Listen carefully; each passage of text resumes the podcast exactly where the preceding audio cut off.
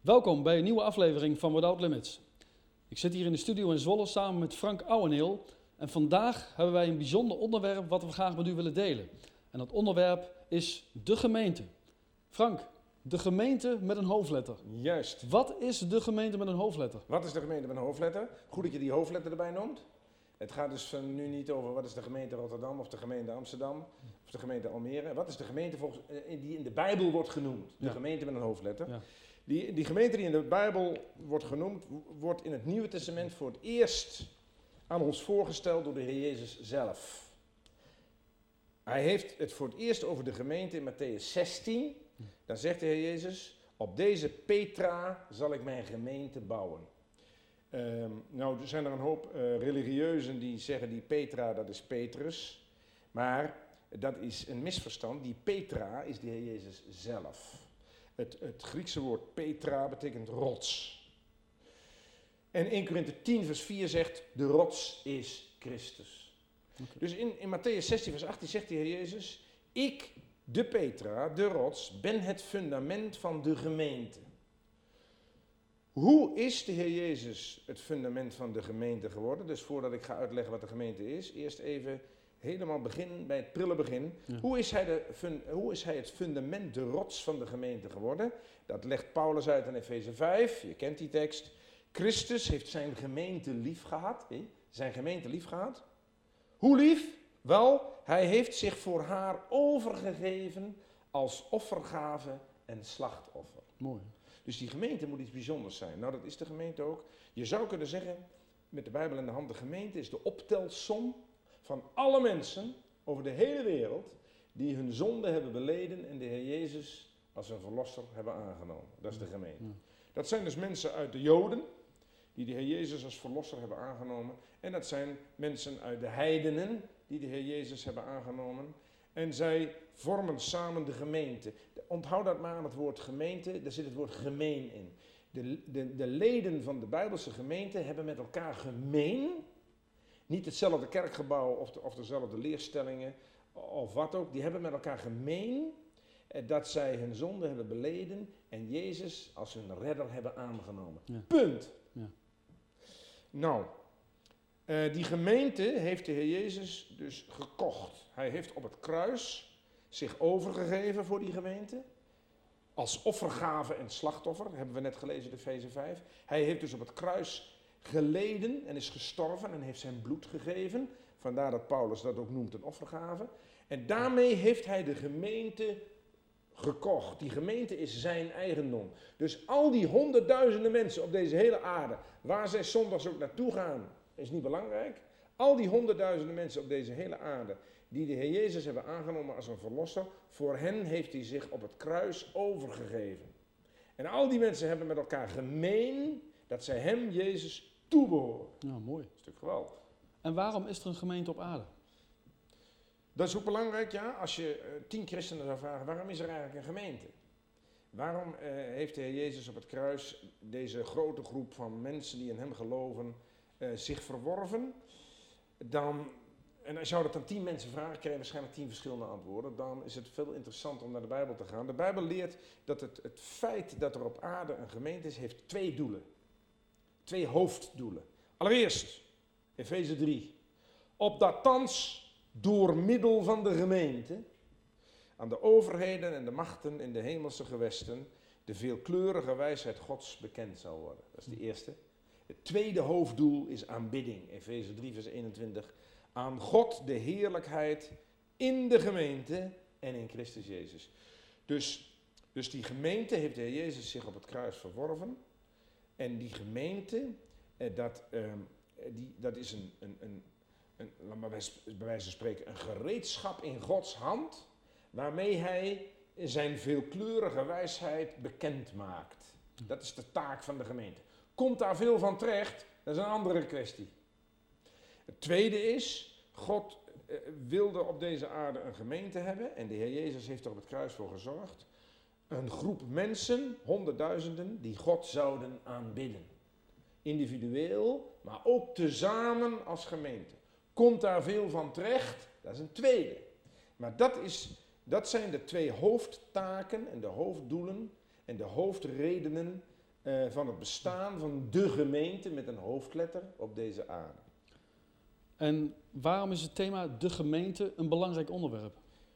De gemeente is een heel belangrijk onderwerp, met name omdat er zoveel verwarring over is. Eh, je hebt in Nederland, eh, ik weet niet hoeveel soorten gemeentes. Je hebt de gereformeerde gemeente, en je hebt de christengemeente, je hebt de Surinaamse gemeente, de volle evangelie gemeente. Eh, je hebt, ga maar door. Een heleboel denominaties zeggen wij zijn de gemeente, dus het is er niet duidelijker op geworden. De Bijbel spreekt daarom ook over de gemeente. Ja. En die, die gemeente die houdt geen rekening met kerkmuren of met dogma's. Het is die groep mensen die de Heer Jezus toebehoren. En helaas zijn al die leden van die hemelse gemeente versnipperd over tienduizenden kerken, kringen en denominaties. Waarom is het een belangrijk onderwerp? Ehm, ondanks het feit dat wij het zo in verwarring hebben gebracht, omdat het de gemeente zo belangrijk was dat de Heer Jezus voor haar naar het kruis ging. Dan moet die gemeente toch wel iets heel bijzonders zijn. Al die mensen die hem toebehoren, wat wij ervan gemaakt hebben, dat is bedroevend genoeg. Maar voor die groep mensen ging de Heer Jezus naar het kruis. Want we hebben gelezen in Efeze 5. Hij heeft de gemeente lief gehad en zich voor haar overgegeven. En de Heer Jezus die gebruikt een gelijkenis ehm, in Matthäus 13, waarin hij eh, aangeeft hoe waardevol de gemeente voor zijn hart is. Dus de, de, gelijkenis eh, van de schat en de akker en van de koopman en de schone parels. Dan zegt de Heer Jezus in Matthäus 13, het koninkrijk der hemelen, hè, dat is de gemeente, is gelijk aan een schat. Hè, de gemeente is dus een schat, verborgen in een akker, die een mens, dat is de Heer Jezus zelf, ontdekte. Mooi? En in zijn blijdschap erover verkoopt hij alles wat hij heeft. En dat heeft de Heer Jezus gedaan. Hij heeft alles wat hij had verkocht. Hij heeft zijn leven gegeven en koopt die akker. De Heer Jezus heeft de gemeente gekocht met zijn leven. Gaat de Heer Jezus verder. Evenzo is het koninkrijk der hemelen, de gemeente, gelijk aan een koopman, dat is de Heer Jezus ook, Ja. die schone parels zocht. En toen hij een kostbare parel gevonden had, de gemeente, verkocht hij alles wat hij had. En kocht haar. En, en nou begrijpen we ook die tekst van Paulus in Efeze 5. Christus heeft zijn gemeente lief gehad.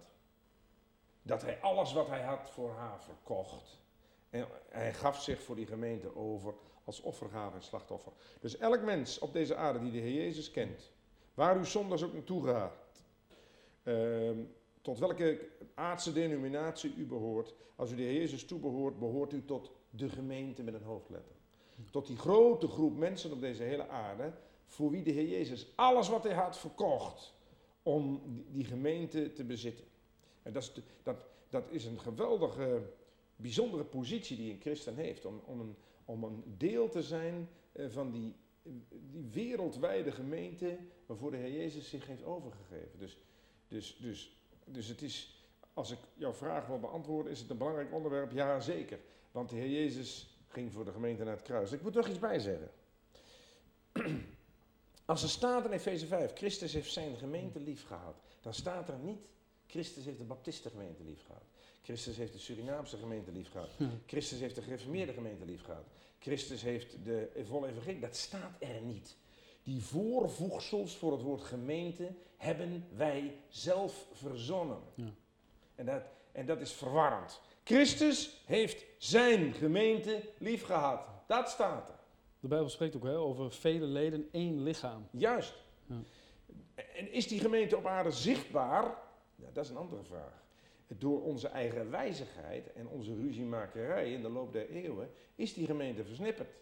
En kom je in allerlei denominaties leden van die gemeente tegen. Maar in de hemel, straks in het vaderhuis, dan is die gemeente weer zichtbaar. Ja. Dan is de gemeente ook weer één. Ja. Zoals En- het eigenlijk behoort. En de Heer Jezus is eigenaar van die gemeente. Je hoort, eh, je hoort wel eens voorgangers zeggen, ik sta aan het hoofd van deze gemeente. En dan moet je altijd hard gaan lachen, maar dat kan helemaal niet. Want de Heer Jezus is het hoofd van de gemeente, van het lichaam de gemeente. En, en hij, hij, hij heeft die gemeente gekocht, maar hij zorgt er ook voor. Dat staat in Efeze 5, vers 29. Christus koestert de gemeente. En koesteren is het, het ouderwetse woord voor overdreven goed zorgen. Zoals een moeder een pasgeboren baby koestert. Heel goed zorgt. Heel goed. Eh, de aandacht geen moment verliest. In die zin zegt Paulus in Efeze 5 vers 4 29. Koestert Christus de gemeente. Dat het met de gemeente op deze aarde nog wat voorstelt. Hè? Dat komt niet door ons, integendeel. Dat komt omdat Christus de gemeente koestert. Tuurlijk, hij heeft zich voor die gemeente op het kruis als offergave overgegeven. Hij koestert die gemeente. Het schiet me binnen dat er aan het begin van de openbaring staat ook ergens hè, dat, dat, dat Jezus zich eh, te midden van de gemeente eh, bevindt. Dat is zijn oogappel. Ja. Eh, we hebben gezien, dat is goed dat je dat zegt in Matthäus 13, dat de Heer Jezus vergel- vergelijkt die gemeente met een schat. Een schat die zo bijzonder is dat, die, dat, dat degene die die schat wil bezitten, alles te veroveren heeft. Alles wat hij had verkocht. Hij vergelijkt die gemeente met een parel. En, en die koopman die die parel wilde hebben, was bereid alles te verkopen. Dan moet die gemeente wel heel bijzonder zijn. Ja. Overigens, als je het goed vindt, er is een hele bijzondere studie over de gemeente verkrijgbaar. eh, met een presentatie, dus het is een DVD en geen CD. Eh, en die DVD-serie die heet De Gemeente. En in deze box zitten twee eh, DVD's. Die kunt u bestellen bij frankouweneel.nl. Dat moest ik nog even zeggen. Dun, dun, dun, dun. nou, op welke manier spreekt de Bijbel over de gemeente? Ja. Want je hebt ehm, een aantal dingen genoemd, maar als we kijken naar wat er in de Bijbel staat over de gemeente. Ja, dat is heel belangrijk. Ehm, dus we hebben vastgesteld wat de gemeente is. Ja. Vooral wat die niet is. De gemeente is niet wat wij ervan gemaakt hebben. Een, een verwarrend, eh, versnipperd eh, geheel. De gemeente, zoals, zoals we die straks in het vaderhuis zullen zien, dat is een homogene groep mensen eh, die eigendom zijn van de Heer Jezus. Ze gaan zondags allemaal wel verschillende kanten uit. Hè? Die gaat naar die kerk en die gaat naar die kerk. Oké, daar straks in het vaderhuis allemaal over. Daar zijn geen kerkmuren en denominaties meer. Ja. Daar is de gemeente. En, en dus dat hebben we vastgesteld. Dus even nog voordat ik op je vraag beantwoord. Stel je voor dat een Eskimo in de Noordpool, die vindt een Bijbel. En eh, die is eh, door een poolschip, is die uit een poolschip gevallen. En die Eskimo die loopt door de sneeuw, die vindt een Bijbel in zijn eigen taal en die gaat die Bijbel lezen. En die komt tot geloof. Dat gebeurt. Niet iedereen komt tot geloof door prediking. Er zijn ook mensen die komen tot geloof doordat ze de Bijbel lezen. En die Eskimo gaat op zijn knieën. En die, en die beleidt zijn zonde en neemt de Heer Jezus aan als zijn verlosser. Hij hoort bij de gemeente. Ja, amen. En hij kan alleen niet naar een kerk, want die kerk, dat is 800 kilometer. En hij heeft geen vliegtuig, geen auto, geen fiets, hij heeft helemaal niks. Hij kan dus gewoon niet naar de kerk, maar hij hoort bij de gemeente. Want wat maakt iemand lid van de gemeente? Geen formuliertje van handtekening. Iemand ma- wordt lid van de gemeente door het geloven in Jezus. Ja, En ja. door het aannemen van hem eh, na zondebeleidenis. Door het aannemen van de Heer Jezus als verlosser. Ja. Dat maakt iemand een lid van de gemeente. Maar dat betekent natuurlijk niet dat we niet naar de gemeente hoeven te gaan. Dat is een heel andere vraag. want de Bijbel zegt natuurlijk bezoek de samenkomsten. Ja, maar dat zijn de samenkomsten. Maar we hebben het nu over de gemeente als groep mensen op aarde. Ja. De samenkomst is een ander onderwerp. Tuurlijk, die gemeente moet samenkomen, maar dat is een ander onderwerp. Nou, de gemeente is dus iets buitengewoons. De Heer Jezus ging voor haar naar het kruis. Nou, het woord gemeente zul je in de Bijbel niet vaak tegenkomen. Ja, behalve als Paulus schrijft aan de gemeente te Colosse en de gemeente te Korinthe. Ja, ja. En de geme- Maar verder, buiten de, aan, de verschillende keren dat Paulus een aanhef gebruikt in zijn brieven, zul je het woord gemeente Ja. niet vaak tegenkomen. Toch komt de gemeente in het Nieuwe Testament oneindig vaak voor. Ja, en eh, in openbaring, daar staat steeds van, hè, hoor wat de geest tot de gemeente zegt. Ja, nou, ook dat is, komt maar wij, nou, toch, ook daar komt het woord gemeente maar weinig voor. En je zou verwachten dat het hele Nieuwe Testament wemelt van het woord gemeente. Maar het is wel zo, alleen het woord gemeente zelf, het, die, die, die, die paar letters die worden niet gebruikt. Omdat God weet dat het een moeilijk maar belangrijk onderwerp is, heeft hij in zijn liefde en genade in de Bijbel, en dat vindt u ook allemaal op deze prachtige DVD, heeft God in de Bijbel de gemeente in vier plaatjes aan ons voorgesteld. Want het Nieuwe Testament gaat wel degelijk eh, voor het grootste gedeelte over de gemeente. Maar God, laten we zeggen, vermijdt dat moeilijke woord, gemeente, waar zoveel, mis, zoveel misverstand en verwarring over is.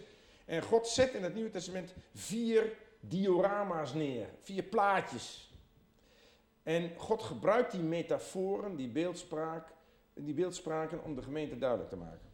De eerste keer dat, dat de gemeente wordt bedoeld, maar niet gemeente wordt genoemd, is in Johannes 10, als de Heer Jezus zichzelf vergelijkt met de goede herder. Dan heeft hij het over schapen van de stal en daar heeft hij het over een kudde schapen. De eerste keer dat de Heer Jezus de gemeente noemt, vergelijkt hij de gemeente met een kudde waarvan hij de herder is. En hij zegt, daarom is dat zo mooi, in Johannes 10 zegt hij, er zijn schapen uit Israël en er zijn schapen die niet behoren tot de stal van Israël. Maar het zegt hij, het zal worden één kudde, één herder. Dat, daar legt de Heer Jezus in, in, in de geschiedenis van de goede herder het principe van de gemeente uit. Hij is de herder. Mooi beeld. En de, de, de, de kudde schapen bestaat uit schapen uit Israël, schapen uit de heidenen. Die zijn door hem samengevoegd op het kruis. En het is geworden één kudde, één herder. Dus in Johannes 10 spreekt de Heer Jezus over de gemeente. Alleen het woord gemeente wordt niet genoemd. Eh, eh, de gemeenteleden worden schapen genoemd. En de gemeente wordt genoemd een kudde. Dan wordt de gemeente in het Nieuwe Testament vergeleken met een huis waarin je kunt wonen. Paulus zegt in 1 Timotheus 3, de gemeente, of het huis van God, dat is de gemeente van God, een pijler en fundament der waarheid. Daar vergelijkt Paulus de gemeente met een huis. Het huis van God, dat is de gemeente van de levende God. Daar stelt Paulus voor als de gemeente waarin God woont. Petrus heeft het ook niet voor niks over levende stenen. Al die stenen, jij en ik, die behoren tot de gemeente door het geloof. Die stenen vormen samen een huis. Ja. En Paulus heeft het ook consequent over de fundamenten van het huis, over dat hij een bouwmeester is geweest. Heel consequent uh, houdt de Bijbel die beelden over dat huis vol. En als de Bijbel de gemeente voorstelt als het huis van God, gaat het over het gedrag van de gemeente. Want als, als jij en ik stenen zijn in het huis van God, en God woont in de gemeente, dan moeten wij ons gedragen in overeenstemming met die hoge gast.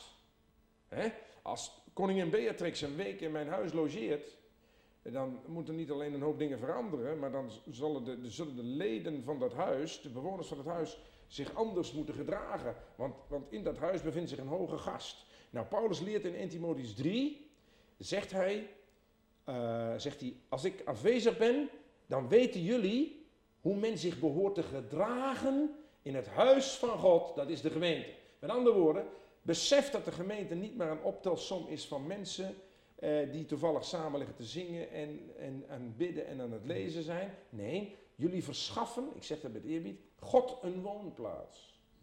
God woont op deze aarde. Niet zoals de humanisten zeggen, of, of de, de horizontale theologen, God woont in elk mens. Dat is helemaal niet waar. God woont in de gemeente. Dat is zijn huis. En als God, God is inderdaad hier op aarde aanwezig als bewoner van het huis van God. Dat is de gemeente. Dus, dus dan, als, als, als de Bijbel de gemeente vergelijkt met een gaat het dus over de principes van de gemeente. Dat is de eerste keer. Als de, de Bijbel de gemeente vergelijkt met een huis, gaat het over de manier waarop de leden van de gemeente zich moeten gedragen. Dan de derde keer. En dat is de bekendste. De gemeente wordt ook vergeleken met een menselijk lichaam. In Colosse 1 staat, Christus is het hoofd van het lichaam, de gemeente. Zoals dit het hoofd is van dit lichaam, en dit lichaam niks kan doen als het hoofd daartoe niet instructies geeft, zo is het gemeente op aarde een lichaam. En het hoofd van die gemeente, dat zijn geen mensen, gelukkig, dat is de Heer Jezus in hemel. Ik kan in mijn lichaam van alles missen. Het is niet leuk, maar je kunt een, een, een, een milinde darm missen, je kunt een nier missen, dat is allemaal niet leuk. Maar als ik mijn hoofd een miljardste millimeter van mijn lichaam zou scheiden, dan zou ik dood zijn. Ja. Mijn lichaam doet het nog, alles is perfect. Maar de verbinding met het hoofd is essentieel, want de opdrachten en de instructies komen van het hoofd. In die zin, zegt Paulus in Colosse 1, is de gemeente uh, een uitvoerder van dat wat het hoofd in de hemel instrueert. Daarom moet de gemeente veel bidden. Daarom is een gebedssamenkomst in de gemeente buitengewoon belangrijk. Want in een gebedssamenkomst eh, overlegt het lichaam met het hoofd. Stel je voor dat mijn lichaam allerlei dingen gaat doen zonder dat mijn hoofd opdrachten geeft. Dan is iemand echt ziek hoor. Als mijn hand uitschiet of mijn been schiet uit zonder dat mijn hoofd dat opdracht geeft, dan is er toch iets mis. Ja. Als wij als gemeente maar, maar doen wat ons goed dunkt, zonder dat wij zeker weten dat dat voortkomt uit het hoofd in de hemel, gaat dat fout. Dus deze derde voorstelling van de gemeente in vergelijking met een menselijk lichaam, geeft de gemeente aan in haar praktische wandel. Elke dag. En daarom vergelijkt Paulus de leden van de gemeente ook met leden van het lichaam. Ik bedoel, een menselijk lichaam heeft uh, honderdduizenden onderdelen. En, en, en, en, een lichaam heeft een oog en een oor en een been en een voet en een hand. En Paulus vergelijkt in Korinthe en in Romeinen de geleden met onderdelen van het lichaam. Die moeten samenwerken, maar die, die allemaal één zijn doordat ze bestuurd worden door het hoofd. En dan de laatste, dat is eigenlijk de mooiste, wordt de gemeente vergeleken met een bruid. Ik heb al verteld uh, dat de Heer Jezus in Johannes 10 zegt, um, de schapen van Israël, de schapen van de heidenen, worden samengevoegd tot één kudde, waarvan de Heer Jezus de goede herder is, het hoofd.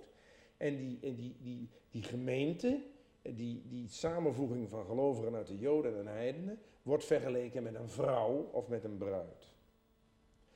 En Paulus zegt ook in 2 Korinthe eh, dat wij zijn verloofd met de Heer Jezus. Met andere woorden, eh, er is een bruiloft aanstaande. Wat, ja. wat heb je aan een bruid en een bruidegom? De Heer Jezus is de bruidegom, de gemeente is de bruid, als er geen bruiloft is. Nou, de toekomst van die gemeente is dat de bruid, de gemeente, voor altijd zal zijn daar waar de bruidegom ook is, Jezus Christus. Ja. Zo zie je, een kudde schapen, Johannes 10, een huis, 1 Timotheus 3, een lichaam, Colosse 1, en een bruid, openbaring 21. En dan al die vier keren gaat het over de gemeente. En God is zo lief om deze drie vier duidelijke beelden te geven, opdat wij A zouden zien hoe geweldig mooi de gemeente is, en B wil God ons in die vier metaforen ook vier verschillende uh, hoedanigheden en aspecten van de gemeente duidelijk maken. Maar dat het een, een essentieel onderwerp is, is wel duidelijk. Ja, absoluut.